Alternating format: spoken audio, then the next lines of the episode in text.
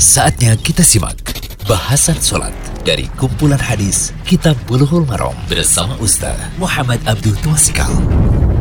Alhamdulillah, wassalatu ala rasulillah wa sahbihi wasallam. Kali ini kita berada di audio ke-41 dari kitab Bulughul Maram, pembahasan sholat, kitab sholat, masih seputar syarat sah sholat. Syarat menghadap kiblat saat sholat kita lihat di hadis 211 dari Bulughul Maram.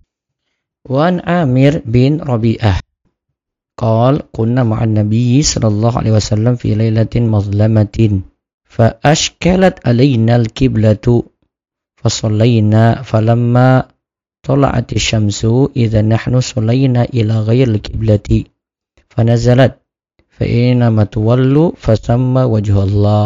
أخرجه الترمذي وضعفه. Kita lihat dari Amir bin Rabi'ah. Ia berkata, kami bersama Nabi Shallallahu Alaihi Wasallam pada suatu malam yang gelap. Kami kesulitan untuk menentukan arah kiblat. Kemudian kami sholat. Ketika matahari terbit, ternyata kami telah sholat ke arah yang bukan kiblat. Maka turunlah ayat, fa'ina matuwallu fasama wajhullah. Ke mana saja kamu menghadap, maka di sanalah wajah Allah. Dikeluarkan oleh Tirmidzi dan dilemahkan olehnya. Takrir hadis dalam ayat disebutkan walillahil masyriku wal maghribu fa ma tuwallu fathama wajhullah. Innallaha wasi'un alim. Dan kepunyaan Allah lah timur dan barat. Maka ke mana pun kamu menghadap di situlah wajah Allah. Sesungguhnya Allah maha luas rahmatnya lagi maha mengetahui. Al-Baqarah ayat 115 Ibnu Katsir rahimahullah dalam tafsir ayat ini menyebutkan berbagai hadis seperti hadis Jabir dan Ibnu Abbas radhiyallahu anhu. Kemudian ia berkata, sanad-sanad dari sini dhaif. Satu sama lain saling menguatkan. Adapun mengulangi sholat bagi yang jelas salah dari dua pendapat di antara para ulama. Dalil ini menunjukkan tidak adanya kodok. Allahu a'lam. Nah, kalau kita melihat faedah dari hadis ini, yang pertama siapa saja yang sholat ketika cuaca mendung pada selain arah kiblat, lalu jelas baginya setelah ia sholat, bahwa ia sholat bukan menghadap kiblat, maka sholatnya sah. Ia tidak perlu mengulang sholatnya. Baiknya mengetahui salahnya tatkala masih waktu sholat atau setelah waktu sholat berakhir. Yang kedua, hadis ini doif, namun maknanya sahih. Jika seorang mukmin tidak mengetahui arah kiblat, hendaklah ia berusaha mencari arah kiblat sesuai kemampuannya. Jika ia berusaha mencari, akhirnya sholat tidak menghadap kiblat, maka sholatnya sah. Karena kita diperintahkan untuk bertakwa semampu kita.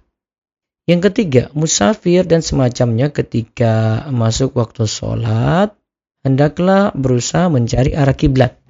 Ada berbagai sarana yang bisa menolong untuk mengetahui arah ini.